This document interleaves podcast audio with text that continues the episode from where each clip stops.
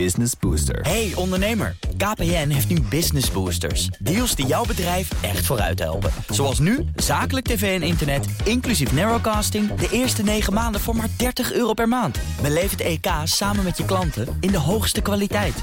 Kijk op kpn.com slash businessbooster. Business Booster. Daily Move. BNR Nieuwsradio. Kees Dorrestein en Liesbeth Staats. We werden er wereldberoemd mee. De Dutch Miracle werd het genoemd. De manier waarop Nederland de economie repareerde met het akkoord van Wassenaar in 1982. Dat is dus 40 jaar geleden, maar het CDA roept op tot een nieuw akkoord van Wassenaar. Maar de partij draait de boel daarvoor wel om. Geen loonmatiging in ruil voor arbeidstijdverkorting, zoals toen. Maar nu meer werken tegen een hoger loon. Kortom, Wassenaar 2.0. Bij ons in de studio in Den Haag, CDA-Kamerlid Hilde Palland en politiek verslaggever Leendert Beekman. Leendert, neem ons nog even mee terug in de tijd. Dat akkoord van Wassenaar, wat is er toen precies afgesproken? Ja, het was een heel bijzonder akkoord tussen de vakbonden en de werkgevers. Er was eind jaren 70, begin jaren 80 een hoge werkloosheid. Concurrentievermogen van het bedrijfsleven was slecht. En in ruil voor arbeidstijdverkorting waren de bonden bereid om de lonen te matigen. En samen met de werkgeversorganisaties en het kabinet werd het akkoord van Wassenaar bereikt. En het, was, het wordt ook wel de geboorte van de polder genoemd. Het sluiten van compromissen als politiek middel. De Dutch Miracle. Eén A4'tje, net iets meer stond het op, maar het had grote impact. Het was de basis van het economisch succes de decennia daarna. Maar ja, we zijn nu in een andere wereld terechtgekomen. Vergrijzing in Nederland, geen werkeloosheid. Ja, en het personeel wil meer geld zien. Ja, Hans en- Borslap, de auteur van het gezaghebbende rapport over de arbeidsmarkt, zegt ook: ja, we moeten er iets aan gaan doen. Ja. En dan kwam hij tot eh, het akkoord van Wassenaar 2.0. Ja, mevrouw Palland, eh, dat, dat klinkt als een heel mooi beeld. Hè? Eh, iedereen weet dan het akkoord van Wassenaar, maar dan omgekeerd. Eh, hoe ziet dat er in het kort uit? Nou, wat mij betreft dus is eigenlijk spiegelbeeldig aan die situatie in de jaren 80 met die hoge werkloosheid. We zien juist nu hele grote arbeidstekorten. Eh, en dat de arbeidsmarkt ook is vastgelopen. Eh, dus willen wij eigenlijk het akkoord omdraaien. De overheid kan het niet alleen. Dus we hebben de polder nodig, de werkgevers en de vakbonden. om tot nieuwe afspraken te komen. om bestaanszekerheid te vergroten. Werken moet lonen. En een, eh, een stapje extra zetten op de arbeidsmarkt. eh, ook voor mensen met een, eh, met een beperking. Dat moet ook lonen. Ja, maar toen in 82, ja, toen was het nog redelijk simpel, zou je kunnen zeggen. Was een uitruil. Iedereen deed water bij de wijn, werkgevers en werknemers. Maar dat is nu toch te kort door de bocht. Waarom is het nu zoveel ingewikkelder? Nou, er spelen nu een aantal eh, zaken. En zo'n zo'n eigenlijk, ja. eh, In de eenvoud zat misschien ook wel de kracht van, eh, van destijds. Maar nu zie ik zo'n zo'n simpele uitruil van twee principes tegenover elkaar. Is iets ingewikkelder.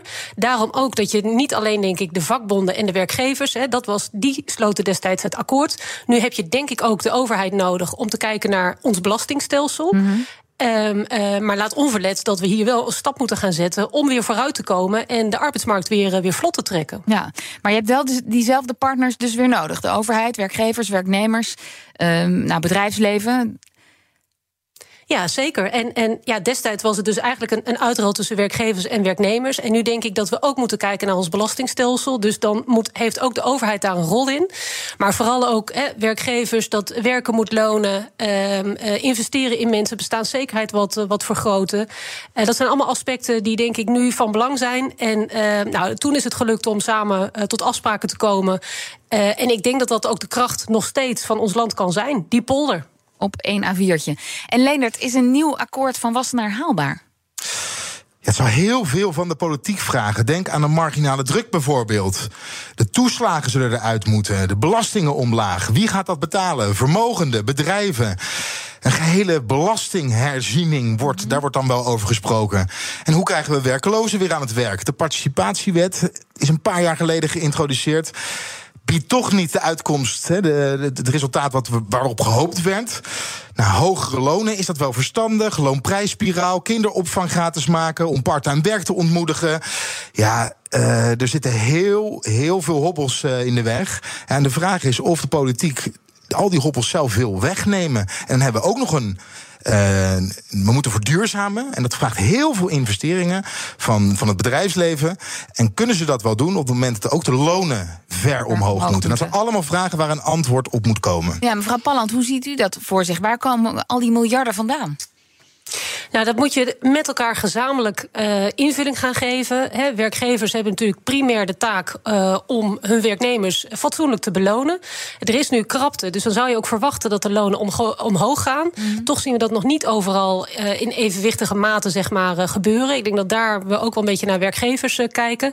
Aan de andere kant kan je ook kijken naar dat ehm, werken meer moet opleveren. Dus dat je daar netto meer aan overhoudt. En dan moet je dus ook naar ons belastingssysteem kijken. Er werd net al even genoemd de toeslagen.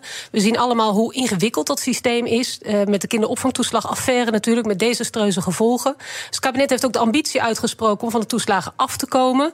Ja, en dat is natuurlijk niet van vandaag op morgen nee. geregeld. En daarom zou ik ook niet willen spreken van een akkoord, maar van een agenda waar je met de drie partijen de schouders onder zetten, stip op de horizon zet en allemaal een steentje daaraan bijdraagt. Maar um, ja, als ik u hoor praten, dan hoor ik ook tussen de regels door dat u ook bereid bent, het CDA, om die belastingregels te herzien en dus vermogen ook veel zwaarder te gaan belasten.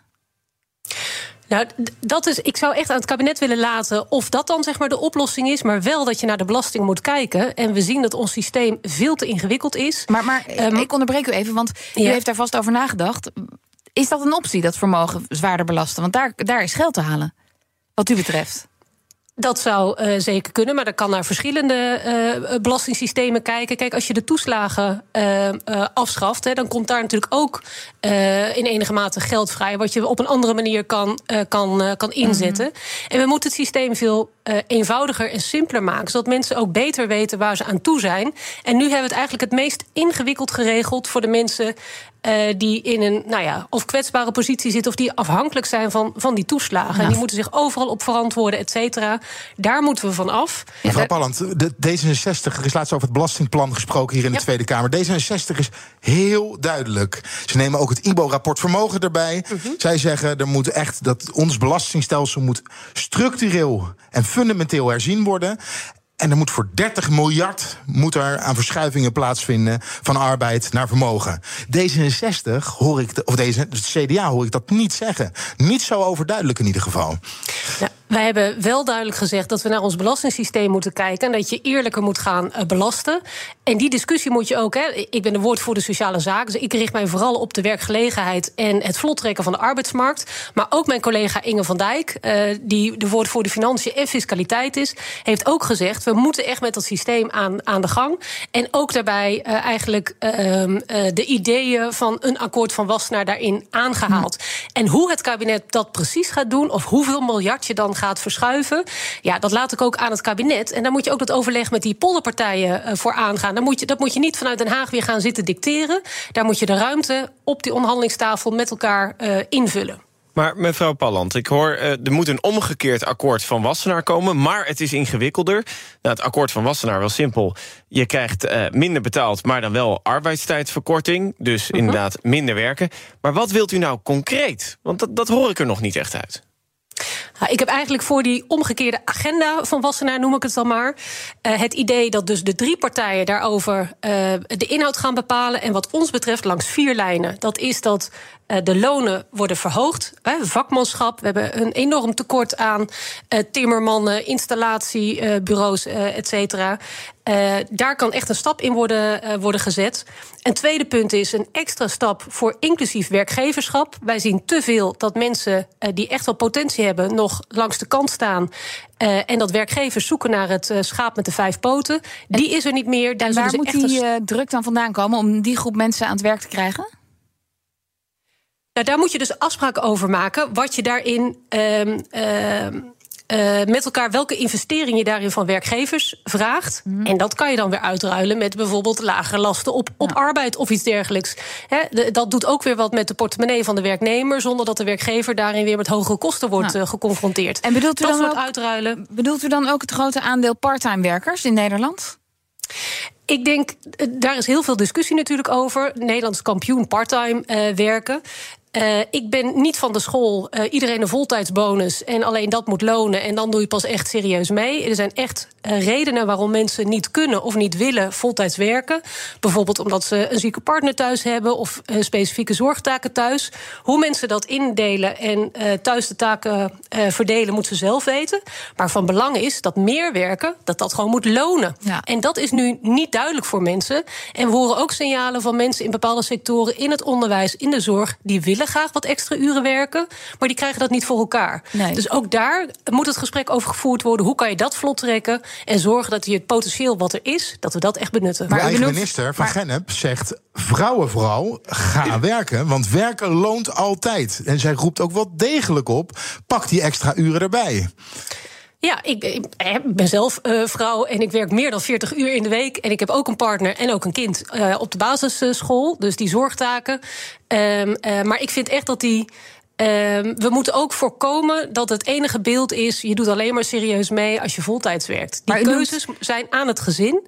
En werken moet, meer werken moet lonen. En we zien nu door de marginale druk... maar ook omdat we van die toeslagen en dergelijke afhankelijk zijn... dat het in sommige situaties gewoon uh, onvoldoende loont. En daar moeten we echt noemt, Mevrouw Palland, u noemt net uitzonderingen. Hè? Mensen die een specifieke zorgtaak hebben. Uh, en laten we dan nog even toespitsen op die vrouwen. Uh, vrouwen die zorgen voor een zieke partner of een ziek, zieke naaste, een dierbare. Of mannen die dat doen, hè? Zeker. Maar er, u weet ook dat er heel veel vrouwen en mannen zijn... die deeltijd werken, omdat het eigenlijk wel prima is... of gewoon prettig, hun manier van leven is. Is dit mhm. niet dan ook de tijd, omdat er zoveel tekorten zijn, dat als je en verwacht dat als jij je huis wil verbouwen, er werknemers paraat zijn om dat te gaan doen, en in de zorg dat je niet op LLO'ze wachtlijsten komt te staan, dat je ook een stapje, zelf een stapje extra zet in jouw uh, vakgebied. Um, mag daar niet wat meer druk op?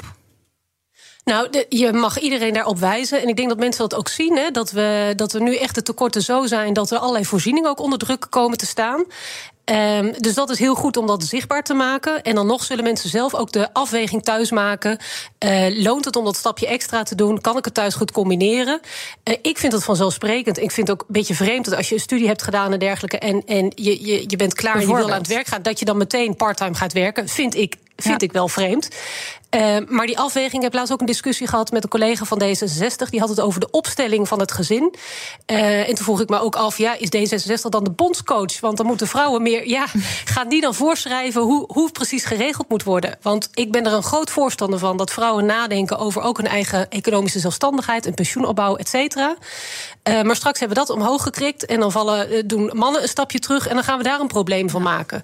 We moeten zorgen dat bestaanszekerheid geborgd is dat er ruimte is om taken uh, te verdelen. En dat we niet vrouwen erop aankijken als zij uh, uh, extra. We verwachten dat zit meer cultureel in zaken. Um, uh, dat dat uh, op het moment dat je kind ziek is, dan wordt de moeder gebeld. In plaats van dat er ik gewoon er wordt van. gevraagd. Ja. Precies. ik ook. Die, die vanzelfsprekendheden uh, dat er dan naar de vrouw wordt dat de vrouw wordt bevraagd als ze zwanger is. Van oh, dan ga je vast Precies. een stapje. Maar dat zijn allemaal ga je vast part elementen. Hè? Dat is de cultuur. En dan moeten we niet fiscaal gaan, gaan aanpassen of met voltijdsbonussen willen oplossen. Daar moet het gesprek over aangaan. Uh, dat vind ik een terechte discussie. Maar dat staat eigenlijk los van deze agenda van Wassenaar... om de arbeidsmarkt vlot uh, te trekken... en te zorgen dat meer werken gewoon gaat lonen. En gaat u naar Kasteel Oud-Wassenaar? Heeft u al een kasteel afgehuurd daar? Nou, ik niet. Als, als dat de boel vlot trekt, dan ben ik daar zeer toe uh, bereid. Maar dat zou ik ook vooral aan de, aan de partijen zelf over willen laten. Want ik kan me ook goed voorstellen dat zij in alle rust... Uh, uh, onder het genot van een kopje koffie en de benen op tafel... elkaar eens in de ogen moeten gaan kijken. En welke locatie zij er dan de meest geschikt voor achten... dat, dat laat ik graag aan de polderpartijen. CDA-Kamerlid Hilde Palland en politiek verslaggever Leendert Beekman, dank jullie wel. Hardlopen, dat is goed voor je. En Nationale Nederlanden helpt je daar graag bij. Bijvoorbeeld met onze digitale NN Running Coach... die antwoord geeft op al je hardloopvragen. Dus, kom ook in beweging. Onze support heb je. Kijk op nn.nl slash hardlopen.